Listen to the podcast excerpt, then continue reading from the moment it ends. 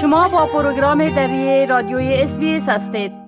شنونده های عزیز قرار است تا انتخابات فدرالی استرالیا به تاریخ 21 ماه می برگزار شود. ما اکنون دکتر نظیر داور متخصص امور حقوقی را با خود داریم تا درباره نظام انتخاباتی و عمل رای‌گیری در استرالیا معلومات بتن. آقای داور سلام بر شما. به برنامه دری رادیو SBS خوش آمدین. زنده باشین. منیب صاحب. سلام و احترامات ما را شما هم بپذیرین و ما طریق شما سلام های خود خدمت تمام کسانی که به رادیوی شما گوش می‌دهند تقدیم می‌کنم و در خدمت شما آقای داور میشه که در آغاز لطف کنین و به شنونده های ما در مورد نظام سیاسی استرالیا معلومات بتین که استرالیا چگونه یک نظام سیاسی دارد و حکومت در استرالیا چگونه تعیین میشه؟ منیب سیستم حکومتی در استرالیا یک سیستم دموکراتیک پارلمانی فدرالیست و عوام از نوع مشروطش نظام شاهی مشروطه که بنا به انگلیسی برایش کانستیتوشنال مونارکی میگن. ای از جمله سیستم ها هست فدرالیست دموکراتیک است که در استرالیا می‌فهمین federation شش ایالت هست و چند تا هم حکومت های که Northern Territory و Capital Territory در استرالیا که قبلا گفتم یک شاهی مشروط است. در اینجا انتخابات وجود دارد دموکراتیک هست که به اصطلاح اگر ما خلاصه بکنیم سیستم حکومت را امو سه قوه ثلاثه که برش میگن که مستقل هستند در استرالیا وجود دارد که پارلمان استرالیا است. که از دو مجلس تشکیل شده و بعدا ما برتان توضیح می‌کنم. به خصوصیات دیگه قوه اجرایی است. در سطح فدرالی صحبت می‌کنم و هم دیگه هم قوی قضایه قوی قضایه خب محاکم است و محاکم فدرال است و ایجاپاس که امروز انتخابات زیاد سرش بحث نمی کنیم میای مسئله حکومت و مسئله پارلمان در سیستم استرالیا پارلمان دو مجلس داره مجلس سنا و مجلس نمایندگان. که این هر دو مجلس یکیش برای شش سال است و یکیش برای سه سال هست. در پارلمان ما 76 کرسی داریم. که در او 76 کرسی 12 12 کرسی برای هر ایالت داده شده و دو دو کرسی هم برای حکومت های ساحوی یا territories که برش میگن اختصاص داده شده.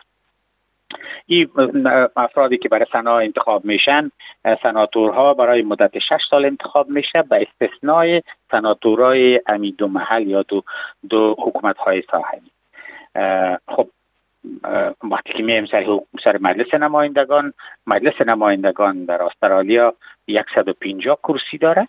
که ای به اساس محلات انتخابی نظر به تعداد نفوسشه از اون محلات تعیین میشه که یعنی تقریبا امو به محلات باید امو تعداد نفوسشان مساوی باشه با هم و یا کم و بیش با هم مساوی باشه. این تعیین میشه و در پهلوی از ولی که یک نرمی هم داره که باید حد اقل پنج seat باید به یک ایالت داده شود. مثلا یک ایالت بسیار نفوس زیاد است در اونجه seat بیشتر میشه ولی که به یک ایالت بسیار که کم هست باز هم هر چقدر کم هم باشه باید بر دو ایالتی که حکومت ایالتی که در یک جای وجود داره با مستید باید پنج seat ش داده شود. این دوره خود پارلمان پارلمان ما که به اصطلاح مجلس نمایندگان هست این برای مدت سه سال است.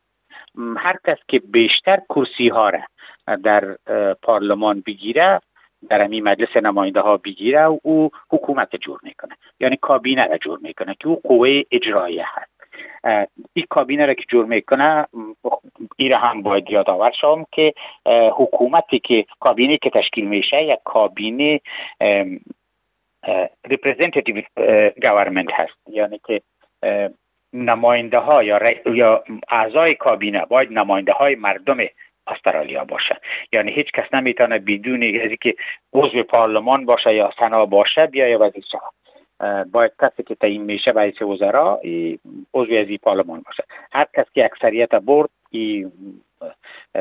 حکومت جور می‌کنه کابینه تشکیل میشه. صدر اعظم لیدر یمو گروپ پارلمانی که seat های یعنی تقریبا وقتی 150 باشه 75 75 هر کس 76 seat در مجلس گرفت یا بیشتر از او او حکومت جور می‌کنه. لیدری از امو گروپ پارلمانی به اصطلاح صدر اعظم کشور یا Prime Minister می باشه که او باز کابینه خود تعیین می‌کنه. در سیستم constitutional monarchy یا شاهی مشروطه ملیکه الیزابت دوم در رأس قرار داره که او نمایندهش گورنر جنرال هست در استرالیا که او صلاحیت که قانون برایش داده چون چون صلاحیت بیشتر قانونی اساسی کشور داره و و گورنر جنرال صلاحیت بیشتر در قانون داره که به اصطلاح ریزرو پاور برش میگن در زبان حقوقی که اگر یادتان باشد چندین بار هم ای از این قوت استفاده شده اگر در تاریخ مراجعه بکنیم. حکومت ویتلم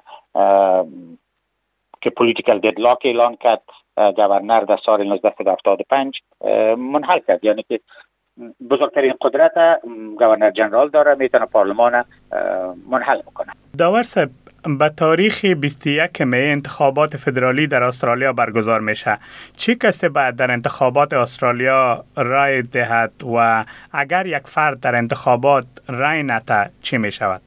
منیب در استرالیا کسانی که 18 ساله هستند و citizen استرالیا تبعه استرالیا هستند citizenship استرالیا را دارند تابعیت استرالیا را دارند اینها مکلف هستند اینجا اجباری هست.